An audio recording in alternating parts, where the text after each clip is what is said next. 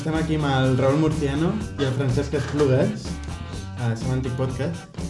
Bueno, i el Micho, el Pablo Villalba, que ja ha estat prèviament a, al podcast. Bueno, i el Masumi, el Jordi i jo, el Bernat. Ja estic d'espectador. El Pablo està d'espectador, va. Què tal, Raúl? Molt bé, molt bé. Bueno, el primer de tot, eh, disculpar-me per el meu català, que ja sabeu que és No, molt dolent, però faré el que pugui. No, no. I, bueno, tu què et dediques, Raúl? Comencem amb el Raúl, després parlem amb el Francesc. Vinga. Doncs jo sóc eh, desenvolupador web, principalment amb Ruby on Rails i, i JavaScript. I, bueno, he treballat de freelance durant, eh, bueno, gairebé 10 anys. I, bueno, ara de, des de fa poc, gairebé un mes o així, estic treballant a, a Heroku. Mhm. De fet, ets un defensor del freelance, no? Perquè vas parlar a la conferència a Madrid, conferència Rails de, dels freelance i defensar una mica el, aquest sector que està una mica marginat. Sí, bueno, la, la meva xerrada va ser, més que parlar de, de com ser freelance, era un, una mena de, de parlar com, com m'agrada treballar i una mica d'organització personal i com és el meu workflow de, de treball. No? Mhm. Però, bueno, clar, eh, no, no m'agrada eh, dir que aquesta és la forma ideal de treballar i tot s'ha de posar en, en context i, i el meu context és que sóc freelance. No? Mhm. I, bueno, sí que és veritat que, que el, el món freelance, no sé per què, és, és especialment exitós aquí a, al món Rails, aquí a Espanya, no sé. La situació actual és que n'hi ha molts de, de freelance, molt bons en la meva opinió, i potser és que s'adapta molt bé al, al ritme de, de desenvolupament àgil i ràpid que, que es fa ara. I bueno, mi, bueno, jo sempre ho he, ho he fet així perquè he treballat de freelance perquè bueno, crec que comporta unes, unes avantatges de, de flexibilitat personal, d'horaris, d'adaptar-te a la feina a les teves necessitats i, i com et sentis. No? Jo crec que la, la programació és una cosa molt creativa i has d'estar una mica inspirat i jo no crec que en horaris fixes i rutines de- d'oficina molt estrictes, sinó que crec que bueno, t'has de sentir bé i has de- d'estar fresc no? per, per treballar. I crec que ser freelance t'hi dona aquesta flexibilitat i, no sé, crec que surts guanyant. Una pregunta. Eh, quin és el típic treball que fas com a freelance? Que feies com a freelance en desenvolupament Rails? Per exemple, una aplicació petita per un client o una millora? Un... Uh, depèn. A vegades jo feia el, el desenvolupament complet i a vegades feia una mica com de, diguéssim, d'assessoria. Uh, una mica de tot, no? Perquè hi ha, bueno, hi ha, hi ha molts, molts perfils de clients diferents i a vegades necessiten un, bueno, des d'una assessoria inicial de, per definir el producte que volen o necessiten eh, conèixer una mica el món tecnològic en el que s'han de moure, eh, com contactar amb gent que, que pugui treballar per ells i a vegades no, a vegades només necessiten bueno, força de, de treball i, i un desenvolupador pur i dur, no? I, bueno, t'has adaptat una mica al, al client que tinguis i, i fer una mica de tot. Jo he fet, bueno, des d'aplicacions bueno, superpetites, del típic eh, blog i coses d'aquestes, botigues online i tal, xarxes socials... I, eh, Això ja és tan petit. Sí, bueno, ja tot, tot depèn, no? I bueno, he fet també integració de- d'aplicacions existents amb, amb altres plataformes. I fas tot des del back-end al front-end, absolutament. No, no, no. De fet, jo, jo, mm, bueno, jo, jo faig el que crec que faig millor, que és més la part de, de back-end i, i a vegades faig eh, desenvolupament a nivell de front-end, però jo sí crec que, per, per exemple, el, la maquetació i el disseny eh, està fora de, del meu alcance, es diu, no sé com es diu. Abast. Sí, del meu abast. I s'ho deixo als, a altres professionals, no? Jo crec que la web és, al mateix temps és un, és un, un medio molt, molt, com dir com dir-lo, molt heterogeni uh, i necessites perfils professionals diferents, encara que has de saber una mica de tot. Jo no crec que es puguin, bueno, salvo honroses excepcions. uh, crec que és molt, molt, molt, i molt complicat uh, desenvolupar integralment una aplicació mitjanament gran uh, amb, una, amb una persona només, amb, amb un perfil. Uh -huh. no? Jo sí crec que ens hem de complementar i, i s'ha de saber una mica de tot perquè t'has de coordinar amb molta gent, però cadascú ha d'aportar el que sigui, li dona millor, no? Això és la meva opinió, vaja. Has comentat que treballes a Heroku. Repassem per la gent que no se'n recordi. Heroku és una empresa d'allotjament d'aplicacions Ruby basada en cloud computing que fa servir la infraestructura d'Amazon, menys si no ha canviat, i que va ser comprada per Salesforce per 212 milions de dòlars, em sembla, fa aproximadament un mes.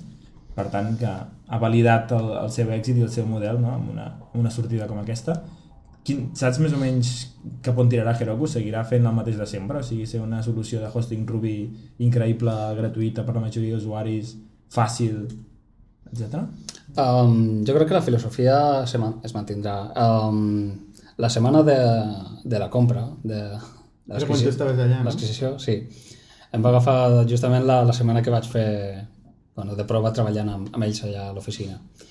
I el, el dia següent de la, de la compra, a part de que estaven tots, bueno, ja us podeu imaginar, a cara felicitat, no? És que no ens ho podem imaginar. doncs uh, uh, uns dels caps d'allà uh, bueno, va venir va explicar no, que, bueno, que això no canviava res, que el seu roadmap encara és el mateix. Uh, estaven buscant perfils uh, com, bueno, com el que buscaven a mi i a altres diferents, però que, que tots, tot es mantenia igual i que no que de fet eh, són, són una empresa adquirida per, per eh, Salesforce però es mantindria la seva independència dins de, de Salesforce eh, tant en, en, com en, en identitat, en plans de futur i, i que ells tenien encara la, el control del, del projecte i jo crec que bueno a part de ser el que és ara que jo crec que és, bueno, és una plataforma increïble no puc dir res perquè El, la web del podcast està allotjada a Heroku I el wiki també. i el wiki també. i què tal va? Va, És va bé? increïble, sí, Molt sí. bé. Heroku és la solució a tots els problemes. Ah, No, no, això m'agrada. eh, no tinc res a veure amb Heroku jo, Sí. però soc un gran no, jo, jo penso el és mateix, jo penso el mateix. I sí, sí. Doncs uh, uh, crec que, bueno, n'hi ha millores importants que, que encara han de venir, però, bueno, ha estat un treball molt dur i, i sortiran sorpreses. Ha sortit integració amb MySQL fa 4 dies, pot ser? Vaig saber llegir una newsletter. Un Ah. plugin, un plugin d'aquests que... Integració amb MySQL? Sí. Vols dir això de l'addon aquest per treballar Exacte. amb, el, amb la d'Amazon? Sí. Sí. Ui, he canviat de web. De documentació. Bueno, Ah, en sí. qualsevol cas, el que et dona és una mica també de rigidesa, no? Pren moltes, moltes decisions per tu, Heroku. Sí, Seria, mm, vull dir, es podria utilitzar per qualsevol aplicació Rails? Seria una plataforma que realment podria solucionar tots els problemes? O, o No, clar. No, això jo crec que bueno, no existeix. Uh, una cosa que té Rails és que bueno, eh, té una flexibilitat increïble i clar, això dona la possibilitat de combinar-lo amb moltes tecnologies. Clar, fer un stack per totes les combinacions possibles sembla impossible, no? Eh, i és supercomplicat i Heroku el que fa és donar-te opcions. Uh, clar, fa un any o un parell d'anys te donava, bueno, el mínim, una base de dades, Mm. uh, un, una opció només per eh, fer eh, feines en background i, bueno, això està augmentant aquest any, aquest, aquests passats eh, cinc, sis mesos, ha canviat molt. Allà estan integrant moltíssims add-ons diferents, eh, estan obrint opcions per provar uns altres amb beta i amb... I, bueno, te dona, te dona cada vegada més, més oportunitats. I, bueno, estan fent molts contactes, allò de, de tenir a Salesforce eh, a, endarrere. Sí. T'hi dona també la- l'oportunitat de- d'optar a, a empreses més grosses que ja bueno, els veuen amb altres ulls i jo crec que és, bueno, és una oportunitat també de que bueno, faran, farà possible més integracions en, en coses més empresarials, no? que a vegades l'actitud que tenia un sector de, de la indústria. I per l'altra part jo crec que, que, bueno, que n'hi ha d'opcions, no és per tothom, però jo si, si hagués de triar un stack, Uh, com mínim ho faria compatible uh, com amb Heroku perquè mai saps què, què hauràs de fer demà i no sé, jo crec que aquestes opcions per les que han optat des del principi són molt sòlides no són, si, si, les han, si les han triat així és que bueno, tenien les seves raons a, a nivell tecnològic i és que són solucions escalables, mantenibles i, i bueno, jo crec que bueno, estan, estan força bé Mhm. Hi ha una pregunta una mica fora de tema. Fins ara estaves vivint a Barcelona, tu? no, a Girona, bueno, A Girona. un poble de, de Girona, d'Escala Però i tu d'on ets? De Madrid, Tu ets de Madrid. I quan fa que vius a Catalunya? a un any i mig. En un any i mig has après a parlar català. Bueno, a, a fer el que faig. No, no, molt bé, molt bé. I llavors ara t'aniries a viure als Estats Units. Sí. Entenc. Eh, bueno, segurament. Això es diuen que, que bueno, es demana permís però que després el consulat fa, Ah. fa la seva. I bueno, m'han dit que hi ha gent que l'han denegat el permís mm, sense, Sense motiu. sense cap raó, sí. Així que bueno, jo, la meva intenció és que és, és anar cap allà i la de, i la de Heroku també és tenim allà. Sí. Esperem que hi hagi sort. Mm. Però fins ara estàs encara treballant a Heroku des d'aquí? Sí, sí. Ah. Uh, tenim, tenim gent aquí a Europa. Som, ara som quatre des de des d'ahir, precisament. Som quatre treballant a Europa. Uh, una a Alemanya, una a Brussel·les, una altra a Londres i jo aquí a, a l'escala. I treballes des de casa teva... Sí. I i el tema de la diferència horària com la porteu? jo malament, perquè, perquè jo sóc un... Bueno, ja estic intentant canviar el xip, però jo sóc molt de, molt de matins. Jo, a mi m'agrada aixecar-me molt aviat i clar, la diferència horària amb, amb San Francisco em suposa que el, el, bueno, fem un, un 5-up meeting eh, molt curt, de, eh, només de, bueno, per comentar-nos una mica com ha anat el dia, com anirà cap allà. A la teva nit. Clar. Perquè el teu matí allà és massa tard. Exacte. Per mi el problema és que ho fem bueno, a les 8 del vespre aquí o a les 9 i clar, ja m'agafa una mica zombi ja a aquestes hores. El meu cervell ja està per poques. I llavors parles amb els jefes i tal, i, no? Bueno, amb els que deuen ser els responsables allà. Sí, ara estem distribuïts en equips petits, som, el meu som 4 i bueno, sincronitzem una mica així, a vegades t'has d'integrar amb un altre equip i llavors intentes coincidir amb ells el, a la reunió diària Mm -hmm. I bueno, uh, fem molta comunicació per e-mail, és clar, i també tenim un, un campfire per coordinar-nos. I, bueno, de moment anem bé, el que passa és que, bueno, sempre serà més fàcil quan sigui allà. Mm -hmm.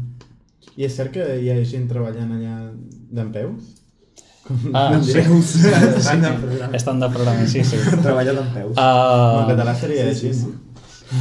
sí, sí, eh, quan vaig anar, una de les coses que em va cridar l'atenció eh, a l'arribar va ser veure això, no? Eh, llocs de, de treball taules eh, més aixecades de normal per fer, per fer stand de programming. Hi ha, hi ha gent que li agrada. Jo no sé si ho faria tot el dia, però provar-ho no, no està malament. Sí, el Tim Bray, de, que va venir de, de Google, també va comentar que allà hi havia molta gent que programava així. Una cosa curiosa, no ho havia sentit mai abans. bueno, parlem amb el Francesc també, que està aquí. Eh, tu, Francesc, a què et dediques? Jo som, bueno, soc programador freelance, exclusivament treballo amb, amb Rails i tot i que a vegades estic, tinc els meus dubtes sobre si és la millor alternativa i vaig intentant fer la meva selecció de frameworks en PHP i llavors tenim les discussions aquí amb els de Teambox sobre aquest tema. Perquè quins frameworks de PHP has utilitzat? I... Bueno, no és que, realment no és que hagi utilitzat uh, frameworks de PHP. A veure, he fet servir frameworks de PHP per algun projecte molt petitó que et toca treure ràpid i era, era una bona opció treure, fer servir aquell framework, com per exemple CodeIgniter. Uh -huh. Vale? Però el, el principal problema és bueno, que a vegades et trobes amb, amb clients que, bueno, com a programador Rails, mm, també he pogut extendre la meva experiència amb administradors de sistemes, vale? eh, perquè bueno, el, el treballar com a freelance també a vegades ofereixo als meus, als meus clients serveis com a administrador de sistemes. Vale? Llavors, en projectes que he fet coses amb, amb, amb, amb Rails i administradors de sistemes, t'has trobat que hi ha aquells servidors i aplicacions um, que estan muntades en PHP. Vale?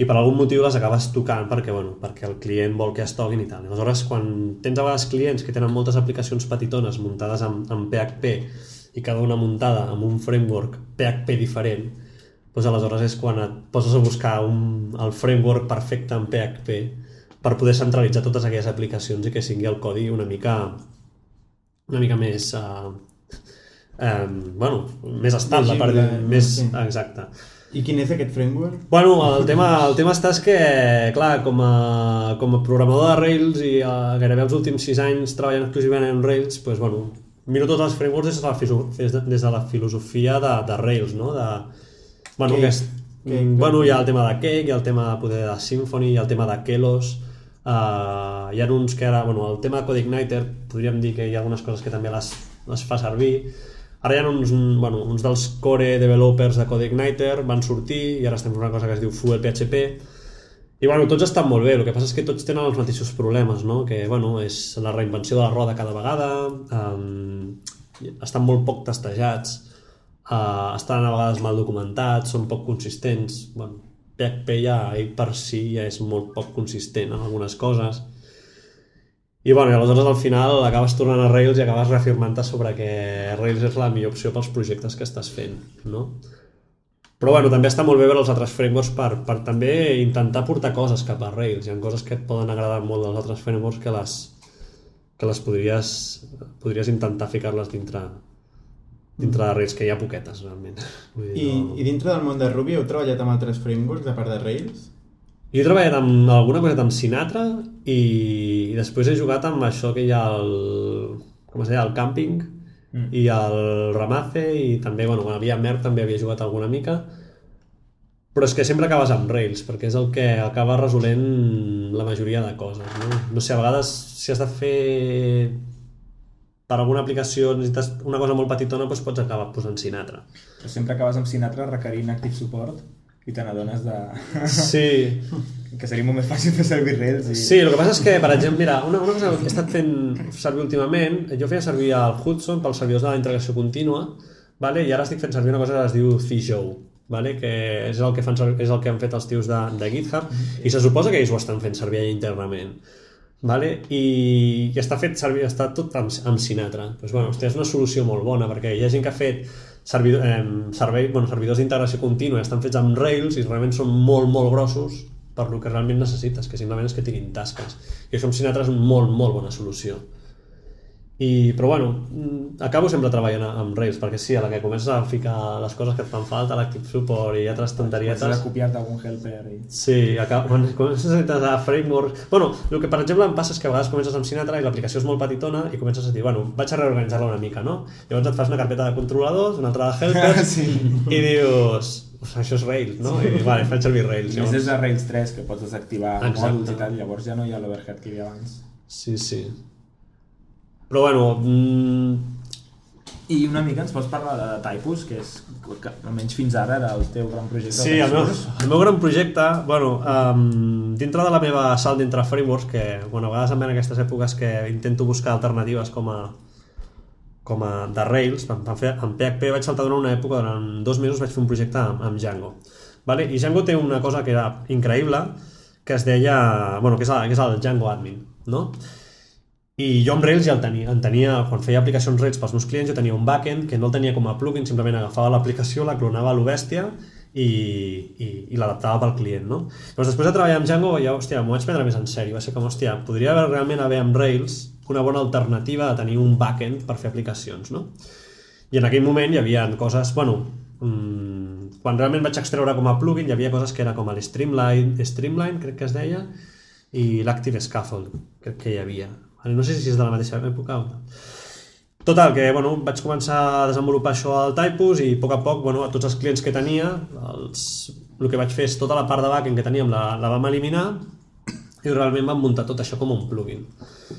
I realment aquest plugin doncs, bueno, et permet eh, detectar tota, detecta la, la, la, com, és, com està muntada la teva aplicació, com estan definits els teus models, els detecta, et genera uns fitxers de configuració i això pots, bueno, es converteix en un, en un backend complet per a una aplicació. Per a una aplicació estàndard, quan necessites coses més, més complexes pot ser que, que necessitis adaptar-lo una miqueta perquè s'adapti a les teves necessitats, no? I aleshores, eh, el que estic treballant últimament amb el Typus és que realment sigui molt més fàcil sobreescriure totes les parts que, que, que, inclou, que inclou Typus perquè es puguin adaptar més fàcilment al projecte. Per exemple, jo una cosa que volia amb Typus és que quan tu instal·lessis el Typus et permetés, eh, tingués un sistema d'autentificació ja out of the box. Per què? Pues perquè en aquell moment el que hi havia muntat era molt... Bueno, teníem el RESTful Authentication i teníem el... Bueno, hi havia un parell de plugins més i posaven, eren molt complexes per lo que realment volia, que era simplement una autentificació, no? Llavors ho vaig implementar jo, no? Però ara realment portem ja una temporada que tenim el device, que és el sistema d'autentificació de Rails ara ja que crec que fa servir tothom, que està molt ben dissenyat i, i clar, Typus està realment molt associat al seu, a la seva autentificació, no? Aleshores el que estic treballant últimament és a, bueno, que es pugui realment desactivar tot el sistema d'autentificació de Typus i puguis fer servir device que sigui molt fàcil, que no tinguis que fer hacks, no? I, i és amb el que estic treballant, no? O sigui, és, podríem dir que vaig adaptant el, el, el plugin a mesura que amb els projectes que faig s'adapti, però que al mateix temps permeti a les persones que vulguin fer-ho servir pues, adaptar-ho totalment a les seves necessitats. No? Ara tinc un competidor total que és el Rails Admin. Sí, anava a preguntar, però vale? Sí, és el, bueno, de fet amb el Ruby Summer of Code van fer el, van treure el Rails Admin que és un és, per dir-ho així seria el backend, el backend per defecte que s'hauria de fer servir amb aplicacions Rails vale? que podríem dir que és així la, la competència directa del, del meu plugin de fet quan va, van anunciar això vaig pensar en deixar de desenvolupar typos perquè ja no tenia cap pena de sentit no? però bueno, a mesura que passen els mesos el que vaig notant és que més gent està fent servir el typos perquè hem fet servir Rails Admin i, i no el poden extendre lo suficient. Jo crec que són enfocs diferents. Són- Rails Admin sí. és super simple, és quasi com un PHP Mm. MyAdmin per Exacte. l'aplicació Rails, hem eh, simplificant molt, i en canvi el Typos és molt Mm. més configurable i pots fer servir realment un sistema d'autenticació complex, un CMS relativament decent. Exacte. Són enfocs diferents. Crec. Sí. I ara a la pròxima estic esperant que surti Rails 3.1 per ja poder fer el merge amb la branca que, que dona suport perquè sigui una aplicació muntable, no? Ara ja, de fet, ja, ja he fet les proves i ja, ja funciona com a aplicació muntable, però voldrà dir que tu podràs, eh, pues, mm, bueno, en aquests moments, per exemple, quan muntes l'aplicació, al typos en una aplicació, ha de quedar sempre la- l'aplicació del client.com barra admin i a partir d'ara podràs muntar-ho amb el namespace que tu vulguis, no? i fins i tot he fet proves de poder muntar en diversos namespace al mateix temps i el, tenir diverses configuracions del backend perquè un client pugui tenir tres backends totalment independents de la mateixa aplicació. És un experiment per veure fins on podia arribar, no? Però bueno, són coses bones que portarà Rails 3.1 i, i intento estar preparat per això, no? I això. Tens idea de quan surt Rails 3.1? Que... Eh, gran o quina pregu- és la... Sí, sí, gran bueno, pregunta. Rails sempre és la gran pregunta, no? Quan sortirà la propera versió, però... Pues ni idea, perquè no segueixo gaire. De fet, era una pregunta que podíem haver fet avui al Xavi Nòria i... i no ho sé, de fet hi ha una web que està fent com una mica així, com una aposta dient, bueno, bueno, a veure quan Rails 3.1 però bueno, pot ser que... Ah, jo vaig estar, he estat provant Rails Edge i, i funciona, vull dir que no, la gent podria fer-ho servir. Però em... estava esperant a que l'identitat funcioni, em sembla. i No, no, de fet, han sí, fet, ens haig, bueno, avui han fet el Sí, d'això. sí, sí, sí, aquest matí estava veient els còmics i però molta gent es queixava de que tenien bugs i tal. Ja, bueno, suposo que, clar, que afegir aquestes funcionalitats noves um, podem darrereix més al treure el 3.1, però clar, amb el 3.0 ja vam fer una feina bastant, bastant grossa i ara suposo que amb el 3.1 pues, també esperaran, bueno, pot ser, jo què sé, a l'estiu, poder? O després de l'estiu, que posin el... Perquè què, què trobeu a faltar de Rails ara? Perquè... A mi el- l'Identity Map és una cosa que ens apenya molt fins al punt que ens vam estar plantejant canviar-nos a Datamapper i vam dir, uf, no, massa feina, però eh, amb una aplicació... Bueno, és que nosaltres desenvolupem Teambox i estàs constantment repetint els mateixos objectes, vull dir, l'objecte usuari s'instancia centenars de vegades, llavors hem de fer tot de hacks perquè no passi això i clar, no és la manera, no? La manera Rails és fer usuari, eh, normal, vull dir, task, punt project, punt user, punt no sé què, però si comences fent això amb una aplicació decent tens 3.000 inst- instanciacions d'Active Record amb una sola request i això és, és estúpid, això és memory bloat i és, és un problema molt gran que tenim i, i clar. Estaria molt bé si tinguéssim tindríem en comptes d'això, doncs, no sé, 100 instanciacions en comptes de 3.000. Fent-ho bé, fent-ho maco, sense haver de fer hacks. I això és una cosa que també ens Jo de moment no ho he necessitat, vull dir, suposo que el dia que estigui diré, uau, com he pogut viure sense això, no? Sí. I el tema de les aplicacions muntables també, perquè així pots Sí, anar sí que desmuntant, o sigui, pots anar fent fragments de la teva aplicació, tenir-les separades, que funcionin elles soletes i després les puguis integrar en una teva aplicació més gran. Sí, això de, que, això de que funcionin soletes Ah, és, sí. és interessant. No, no, no, no és, és, realment, és realment així, funcionaran sí. soles les aplicacions. Però, a veure, des de fa molt temps el tema dels... Jo, a veure, havent programat el, el Typos i portant-lo des de la versió, diguem... Jo crec que a la versió 2 va ser quan vaig fer el... Typos el vaig lliberar al codi fa 3 anys, vale? i en aquella època jo crec que era Rails 2 i poc, o de 1 a 2, i, i Typos durant molt de temps ha sigut muntable, vull dir, tenies que fer una mica de hack perquè es muntés, però era muntable i funcionava totalment com una... Des del meu punt de vista funciona totalment com una aplicació independent que tal com la pots posar la pots treure. Vale? Vull dir, no injectes rutes a la teva aplicació en cap moment, per tant, en aquell, bueno, podries agafar, desactivar el plugin en certs entorns i quan necessitessis podries activar-lo. O sigui que l'aplicacions muntables sí, hem tingut que fer hacks perquè funcionin realment. Però bueno, són hacks petitons, vull dir, no... no... Sí, el que ara serà una solució més elegant, no? No, no, clar, clar. Que estigui estandarditzat, que puguis muntar Exacte. quatre plugins diferents de la mateixa manera, intercanviar-los, etc. Això, però bueno, ja arribarà. Perquè tu, Raül, eh, utilitzes també Rails normalment, sempre, o... Bueno, depèn. Uh, normalment sí, és la meva solució estàndard. Després, a vegades faig servir Sinatra. I ara Heroku, doncs, doncs encara més. Tenim allà el creador de, de Sinatra, Blake Messerani. I, i bueno, la gent allà està super acostumbrada a treballar amb Sinatra. Aquí a Espanya jo crec que encara poder no es coneix eh, bé o no es fa servir perquè perquè poder no encaixa no, amb, amb, les, amb les aplicacions que es fan servir aquí. Però allà tenim la, la distribució interna de les aplicacions de, de Heroku. És, me'n recorda molt al sistema Unix. No? Tenim moltes aplicacions molt petites que fan una cosa, la fan superbé i es comuniquen entre si, són molt, bueno, molt com interoperables. Sí, sí. I, I clar, quan fas això, a vegades dius, home, per això no faré servir res, no? perquè bueno, amb això una aplicació Sinatra, un servei web i, i tal, i, i a córrer, no? I, bueno, a mi m'agrada molt Sinatra. Jo crec que és una cosa que, eh, si jo pogués, eh, la, la faria servir més. I jo crec que aquesta oportunitat de tenir aplicacions més interoperables, muntables entre així, eh, jo crec que poder li, li, li pot donar una mica de, de, no sé, de divulgació entre la gent a, a Sinatra. Mm. Perquè pots tenir plugins que no siguin aplicacions Rails. Clar, això, des de Rails siguin- 3 és fantàstic, ja. Clar, Pots exacte. tenir la, la documentació, la pàgina d'ajudes, una aplicació amb Sinatra, i fots una ruta i envies Exacte. allà. Això és, Exacte. està superbé. Sí, està superbé. Jo crec que és un, un, és una bona eh, eh, opció, és una bona opció. Sí, sí. Però al igual, al igual que... Això no ho, he, no ho he provat, eh? Però al igual que pots muntar una aplicació en aquests moments amb Rails 3... Amb Rails 3.0 tu pots muntar una aplicació amb Sinatra. sí. Pots muntar... No ho he provat, però no, pot- per què no pots muntar una aplicació Rails? Aquesta és la pregunta, perquè al final uh, no deixa de ser una aplicació RAC la que estàs muntant, no? Per tant, hauria de funcionar.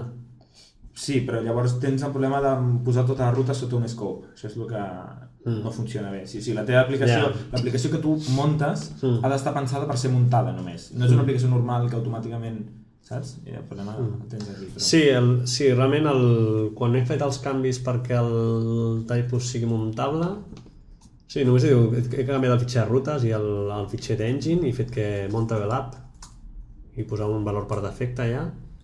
Sí. De fet, tinc ganes, o sigui, et permet, permetrà jugar bastant més, realment. Et permetrà... A mi, jo el que m'agrada molt de Typos és dir que el puc ficar, tal com el puc ficar en un projecte, el puc treure. I m'agrada la idea aquesta, i poder, quan tinguem això, podré fer demos ja més, dir, hòstia, vale, tens la teva aplicació, munta'l, t'agrada, vale, fer-lo servir, no t'agrada, vale, prova una alternativa. I això serà, sí, serà interessant. Jo crec que és una oportunitat perquè eh, mo- molta gent que ven de, que ve d'altres eh, plataformes com PHP o Java sempre es queixen de lo mateix, no? de que diuen quines aplicacions té Rails per fer això?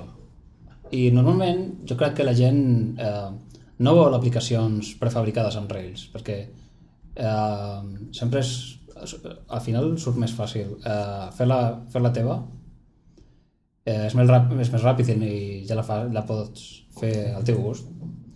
I, i clar, eh, no surten aplicacions open source eh, que tant poder Teambox, per exemple. I no sé, ara està CMS, per exemple, i n'hi ha un parell, però no es fan servir gaire, jo crec. I jo crec que és, aquest és el problema, no? Perquè fins ara no tenies eh, més oportunitat que agafar una d'aquestes aplicacions i personalitzar-la després. I si ara es poden intercanviar entre elles, si la pots afegir a una aplicació ja existent, mm. això dona una oportunitat de que tinguis, no sé, un mòdul de CMS o un mòdul de, de no sé, una botiga web el que sistema de suport, de tickets, aquestes coses. Exacte. Sí, sí, sí. I, I això jo crec que és una oportunitat perquè sortin ja engines uh, open source amb més durada no? que, que el que hi ha ara. També, un altre motiu pel qual no, hi havia, no tenien tant d'èxit sistemes com Mephisto i coses així és perquè fer deploy d'això era infernal abans i des de que va sortir Passenger i Heroku per les seves bandes diferents va canviar molt, abans fer un deploy d'un Mephisto imagina't, era una feinada de 6 admin de no sé quantes hores Sí. i en canvi ara fots mod PHP o git push Heroku ja ho tens Utilitzeu Passenger normalment o a nivell de sistemes? I Heroku. No. Jo ja no. Vale, no, Tu ja no. A En projectes freelance. Jo, utili jo utilitzo CGIs encara. No, no. No, no, no. Rails, Rails funcionava amb Fast Sí, CGI sí, al començament. sí. Funcionava... Francesc i Xus Norris. No, encara no, Chuck Norris, Chuck Norris. No, no. Pa, passe, passenger, Passenger. I, I molt content de que estigui el Passenger. De fet, ara, avui hem estat parlant... Bueno, tinc ganes de muntar alguna cosa amb... Hem estat amb el David Calavera i ell està amb el tema de, de, bueno, de JRuby i ha fet a Trinidad. Un... Bueno, que ve ser un Passenger realment, això. No, no és un, bueno, és un, un servidor d'aplicació amb, amb Java que substitueix Glassfish i Glassfish i, i realment per fer deployments en JRuby jo crec que és una solució bastant, bastant neta. I ara poder els pròxim, les pròximes setmanes canviaria Passenger per, per Trinidad. Sí, poder sí. És A una més, amenaça. Trinidad, Trinidad... No, Trinidad sona guapo, eh? Sí, a vegades, no sé per què, del cognom del David Calavera vaig pensar Calavera, Trinidad. Sí, queda com... Sí, sí. La seva mare es diu Trinidad. Vosaltres feu servir també Passenger? No, ens vam passar fa a Unicorn. a Unicorn. Fa un mes o així ens vam passar de Passenger a Hòstia, Unicorn. sou molt especials. Feu servir Hamel, feu servir Perdona, SAS, feu servir Cutting Edge, tot. No, però és que el problema que teníem amb Passenger és que Passenger està molt bé perquè són dues línies, el teu Apache o Nginx i funciona tot, però quan vols fotre-li mà a fons i un procés triga més del compte i no sé què, en Passenger estàs venut, saps? És una mica... Bueno, espera. va o no va, una mica. Però en Passenger, 2. Passe, ah, vale, en Passenger 3 té sistemes de... Sí, pots encuar Passenger coses... 3 i té pots... el Watchdog i, Sí. i té una millor cua global i tal, però per l'arquitectura on estem, que és enginyer, eh, doncs ens van dir no suportem Passenger 3, si ho vols fer et patarà tot segurament. Mm, Llavors Unicorn no s'hi ficaven tant i jo tenia ganes de provar-ho. És la, la filosofia Unicorn també crec que està molt bé, no? que és que cada procés és, o sigui, hi ha un màster que carrega l'aplicació, llavors fa forks i cada un dels fills, el fork és quasi instantani, uh -huh. cada un dels fills té tot l'estack fresc per servir les requests, quan hi ha un problema el mates, el pots matar gracefully, no li passa res i torna a fer un altre fork en un instant i per tant és molt fàcil gestionar memory leaks o simplement processos que se'n van a vendre pel sac, que això a vegades passa. Guai, I guai. estem supercontents amb, amb Unicorn, no hem tingut cap problema, eh, hem reduït l'ús de memòria bastant, amb Passenger se'ns agraden els processos bastant bojos i a Passenger 2, repeteixo. Deploys amb zero downtime. Eh, Exacte, No, no, això- això Deploys en zero downtime és increïble. I aleshores de servidor, o sigui, el, feu servir Unicorn i davant de l'Unicorn què poseu? Nginx, Nginx. sí. Vale. amb un, amb un port eh, Unix, amb un Sí, socket amb, Unix. exacte, això és el que, és el que fan servir a, a GitHub, no? Sí, sí, sí. Sí. És, on, vaig descobrir Unicorn i una mica la referència, no? Si ells poden fer servir Unicorn... Ells sempre diuen Unicorn, no diguem que sigui millor per tothom, però en el nostre cas crec que ho era, perquè Mm. a vegades tenim problemes Això de fer downtimes, eh, deploys amb zero downtime amb Heroku és possible o...? Mira, això és una bona pregunta. Bueno, l'aplicació es Porque a, distribueix. a mí Sí. una de las cosas que em fa... Eh? Miedo? Com? Por. Por. El, el... Sigue tu. què, què, què et fa por? Què et fa por? No, Di- Bueno, dir-ho en si, castellà. si hi ha algun problema amb, amb el deploy, eh, què passa amb Teambox, no? Exacte. Bé, ens hem estat si, plantejant, si de fet. només ten, tenim un servidor que és Heroku, Heroku. Um, home, el zero downtime jo crec que no, no, encara no és possible. El que sí pots fer i, i la, la gent estarà molt contenta amb això és que han, eh, han tret la- l'add-on de releases i ara és molt fàcil eh, bueno, de, eh, deployar la versió anterior a la que acabes de, de deployar. Això fa dues setmanes només. Sí. un- bé. I sí, sí, jo l'estic provant i estic super, És- super, és- super content, és és, que- una passada. Un rollback molt fàcil. Sí, Abans sí, sí. era un problema, havies de començar a fer apanyos de git i Clar. push force i cagando leches Ah, abans de que... sí, sí. I ara és, un, és una ordre Unix i sí. fora ja tens la versió anterior i tens els, lo, els logs per, bueno, per depurar què ha passat no? i què, sí. què ha anat malament el, el deploy. Sí, l'únic és això, crec que el, el downtime zero de deploy encara no és possible. Pues és una cosa a treballar. Per Però, treballar. el, curiositat, eh? Per què voleu down- downtime zero? Vull dir, entenc... Home, a veure, no, no, no, a veure, sí. Tenim no, no, no, clients per tot el món. Vale, teniu clients per tot el món, fas un deploy, l'aplicació pot estar parada... No, Dep no a veure, depèn, espera, espera un moment, un moment. Hi ha aplicacions que, per exemple, depenen molt d'una API. Vale, ho dic, a veure, estic parlant una mica així... Amb problemes que a vegades he vist d'aplicacions que realment tenien un down- un downtime quan feies un deploy, eh? tens una aplicació que realment és l'aplicació i té l'API junta. vale? I clar, feies un deploy d'allò, tenies un downtime i a tots els usuaris de l'API s'anaven a la merda. Però tu estàs parlant d'un cas, que ja m'imagino quin és, on l'API era la part més important Exacte. i l'aplicació era un frontend de l'API. Ah I llavors no passava res si el frontend deixava funcionar durant l'API 10 segons i l'API funcionava. En el nostre cas és al revés, l'API és auxiliar, l'important és el frontend, l'usuari que està enviant missatges, com li doni a l'enter i allà comenci a donar voltes a l'spinner i acabi al cap de dos minuts patant-li tot perquè està entre mig deploys, doncs és inadmissible. Saps? I- és un cas diferent el que comentes. I el... Pensant, eh? I per exemple, si fas servir... Um... Hòstia, HAProxy, per exemple, l'HAProxy pot detectar l'estat dels servidors. Per tant, tu pots... Imaginem que tens 5 servidors, comences a fer el deploy per un, pum, otro, pum, Sí, sí. altre, pum, Això és una pum, manera de fer-ho. I va saltant. Això és una manera seria una manera. Jo crec que és molt més complexa que simplement fer el mateix, però Sí, a microescala, que és el que fa unicorn. Unicorn. Que és que tens Engine X davant, veu un Unicorn Master que està bé i un altre que està encara muntant-se, doncs li envia el request al que està bé. A la que l'altre s'ha muntat, les va repartint i el Unicorn nou mata el vell. Això és el que fa Unicorn i són els Però, aleshores, amb. Unicorn jo faig és un- jo faig- concepte, Sí. però a nivell de, de mm, socket, no a nivell de màquina. Que que- Doncs jo en, em faig un deploy amb Unicorn i aleshores l'aplicació està funcionant Sí. i quan es fa i quan es canvia de... quan el nou màster ja està llest, li envia un senyal a l'altre dient deixa de servir senyals i mora't tranquil·lament. Això és dir, guapo. ves acabant el request, La senyal RIP. la senyal sí, sí, bueno, sí, sí. user 2, A veure, és que he, he, he llegit, és que a veure, el, el que és el que parla molt d'això és el Ryan Tomeico, parlava de, diu, m'agrada, a més a la frase, m'agrada Unicorn perquè és Unix, Sí, vale? sí, i vaig sí. llegir l'article i tal, i bueno, al, seu, clar, al final ho acabes provant tot, no? Però no poses a producció aquestes coses perquè realment a vegades penses que són massa complexes posar-les. No, és, és al revés, és tan simple. Un cop has entès, aquesta la pàgina de Unicorn Signals, és com mm. diu com gestionar el Unicorn Master i els fills. Aquesta pàgina és la que et fa veure que aquest producte és brutal. Eh? La, la capacitat que tens, el fàcil que és fer coses complexes com això, no? Tens 20 workers i dir-los a un a un, vés morint, no serveixis cap request i quan tots els fills s'hagin mort, el màster que es mori, vale? Això no és trivial i mentrestant que s'estigui engegant un altre, vagi... Vull dir... Llavors, en aquesta pàgina t'explica com comunicar-te a través de senyals Unix amb el, tant amb el màster com amb els fills. Pots incrementar el número de workers que té un màster, pots decrementar-lo, pots dir tu, eh, no et moris però deixa de servir requests, perquè, saps? Potser vols provar una cosa momentàniament amb un nou procés i és molt interessant. És la pàgina aquesta de Signals, uh -huh. és la més... Jo crec que és la... Bueno, en tot cas, podem continuar parlant després de Unicorn, ja que l'últim episodi vam, vam dedicar-lo a parlar de Unicorn.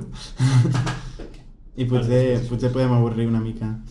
No, i jo també volia parlar... Abans has parlat de Hamel i SAS, que, Mm. que dius que són molt especials per utilitzar-los. Per què no, no ho utilitzes tu? Bueno, no l'he- no l'utilitzo perquè mai he trobat la necessitat de, de fer-ho servir i, i suposo que com a, bueno, com a freelance al final si dediques temps a millorar les teves eines i tal però a mi per exemple jo quan treballo en un projecte a mi m'envien les maquetes ja fetes vale? i per mi les, els dissenyadors és per ells les maquetes són entre cometes sagrades vull dir, t'envien el tot maquetat Ho envien en HTML directament. M'ho envien en HTML directament, vale? i a més m'ho envien bastant bé perquè fins i tot han aconseguit enviar-ho directament, tot ben separadet, fins i tot que puc agafar la carpeta que ells em donen, arrastrar-la a la carpeta de plantilles, poso les variables que fan falta allà dintre i llestos, no?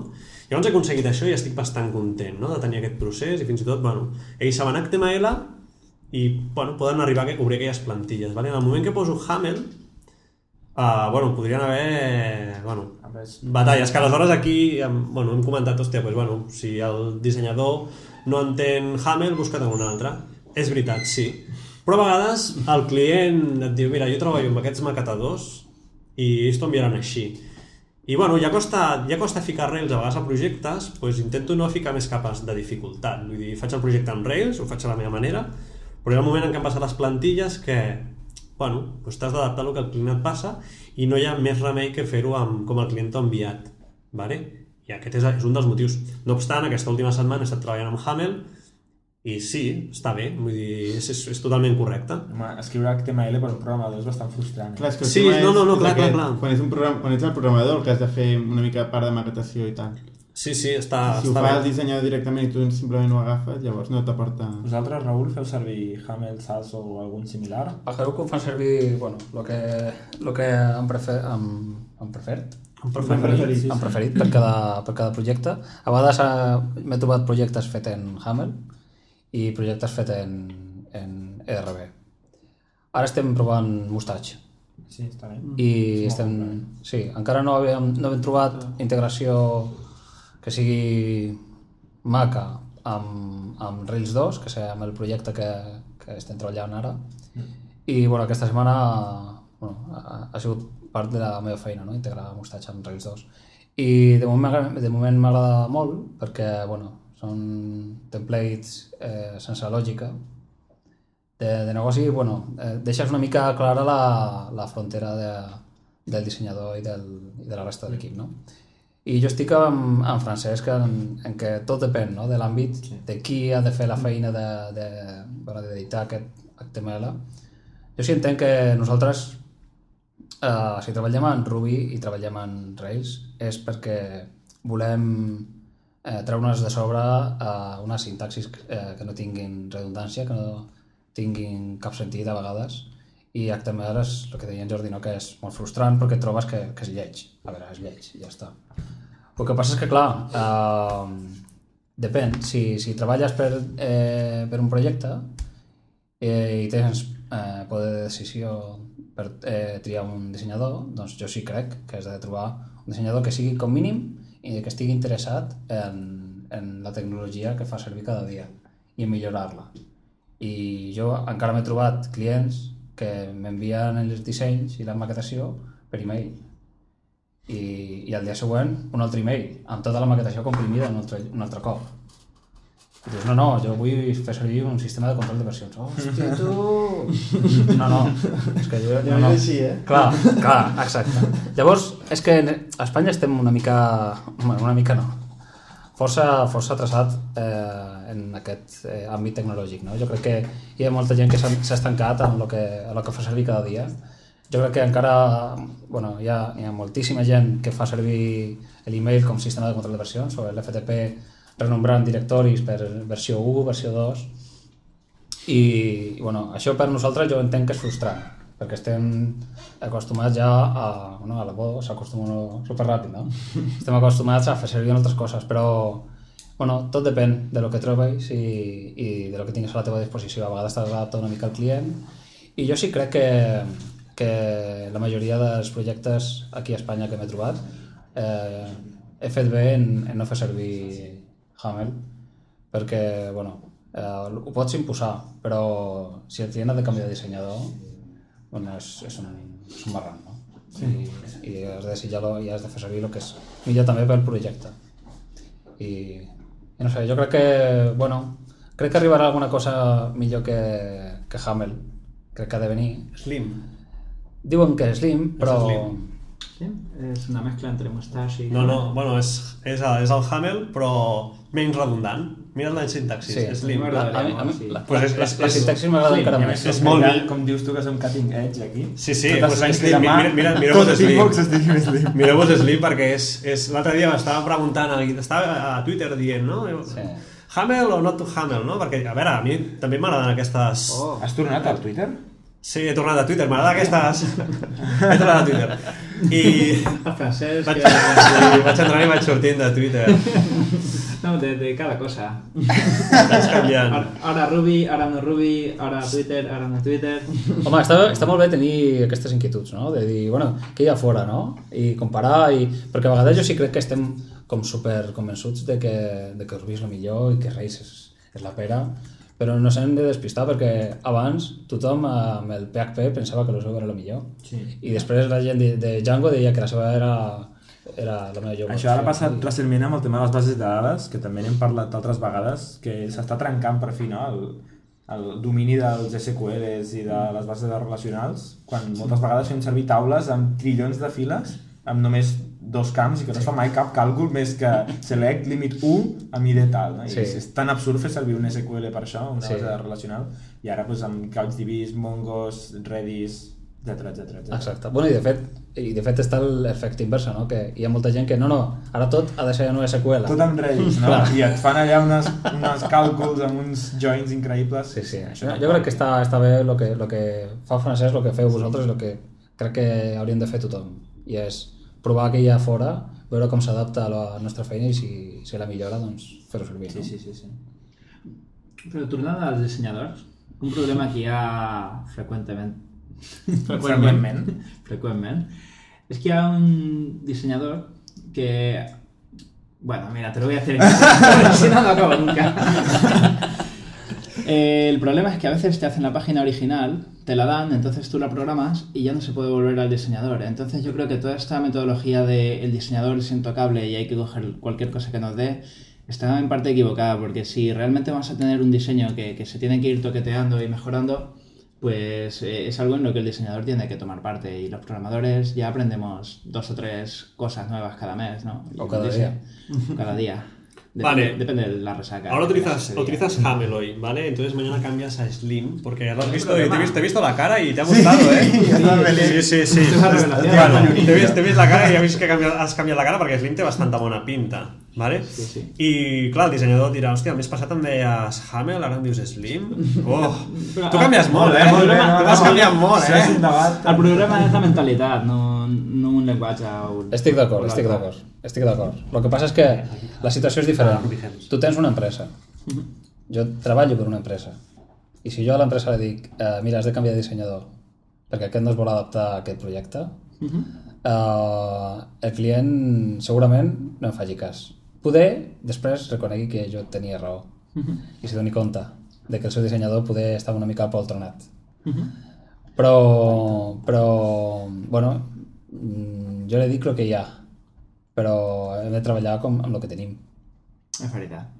T'has d'adaptar una mica al, al client. Jo sempre dic que no m'agrada uh, que m'enviïn les maquetes per e-mail i, i, i de fet eh, tinc unes quantes ignorades allà al, al Gmail que m'havien arribat, ah, has d'actualitzar això. No, no, no, això no, no funciona així. Però... Te les porten en pendrive, llavors. la pàgina. Sí, impreses. Impreses. Sí, sí. No, no, jo sí crec que, que, que, bueno, que, és, que és, un, és un mercat, encara està, està molt bé, el, el mercat de, de, de la tecnologia web en Espanya, perquè hi ha molta gent que és, és que està molt reconvertida.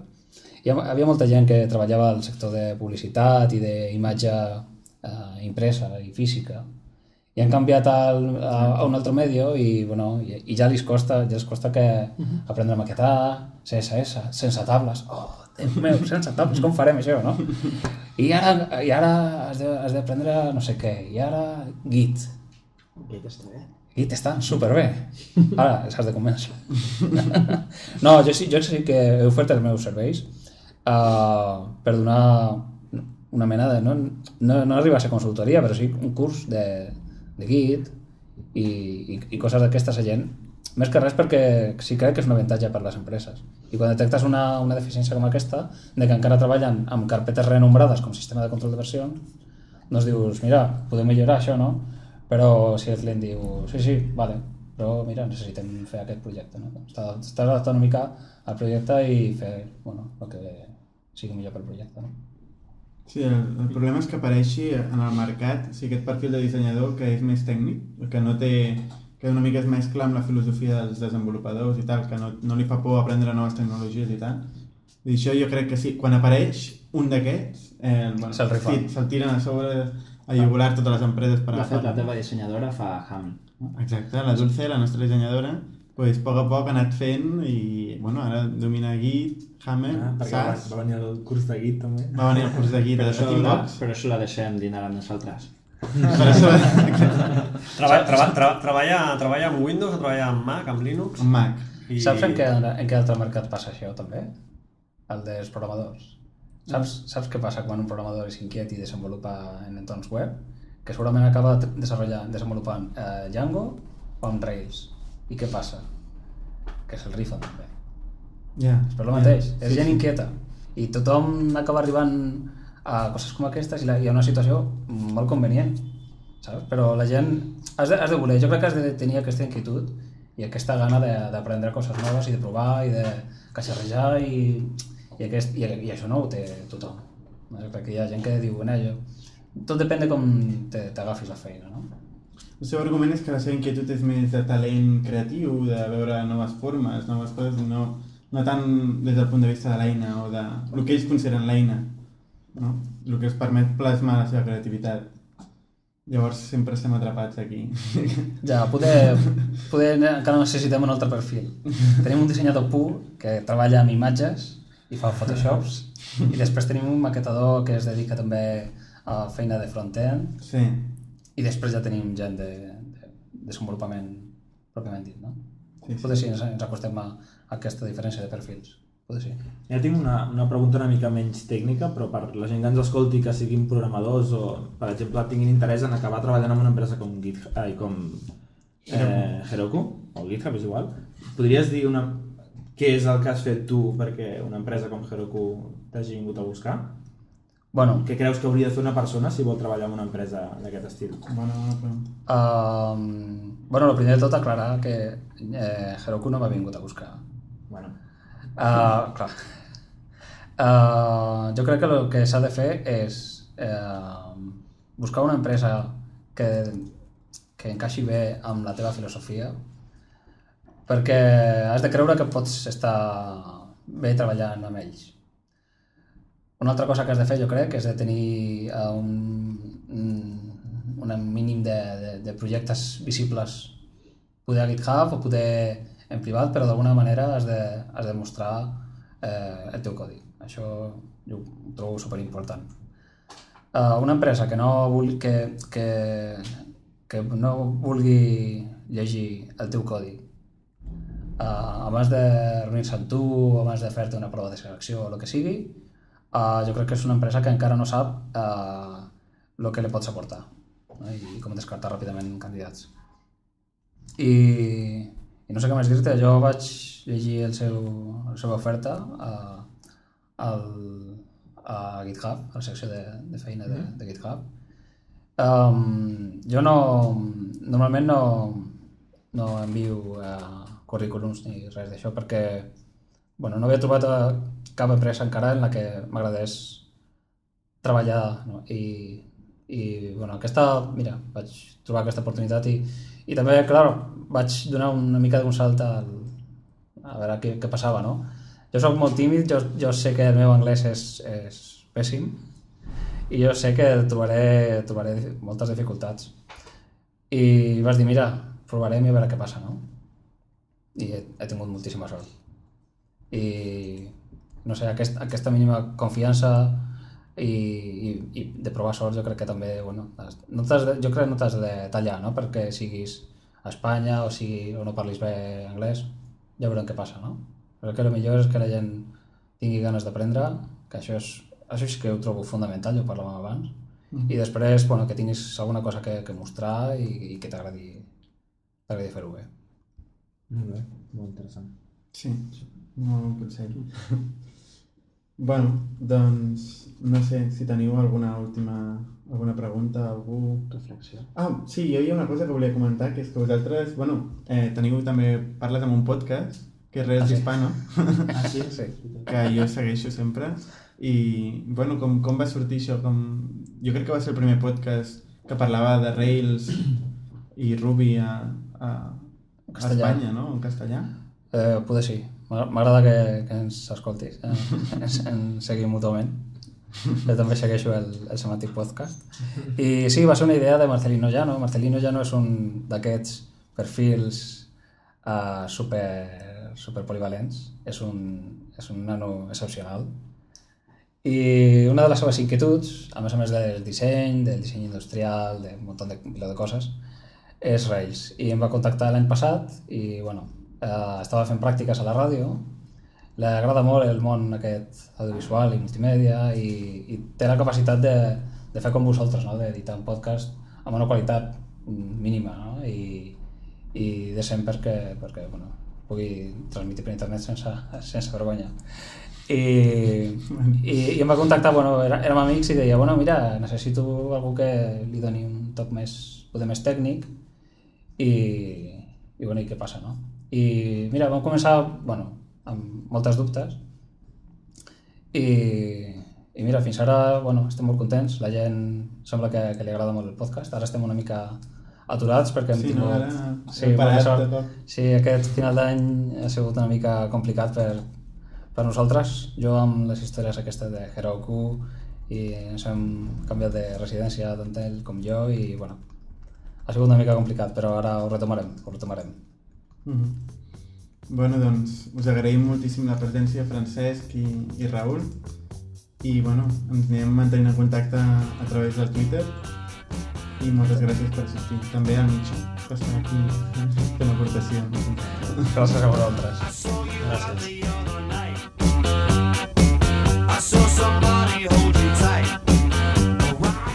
Ara falta la musiqueta, eh, això, Sí, no? home, clar, s'ha de...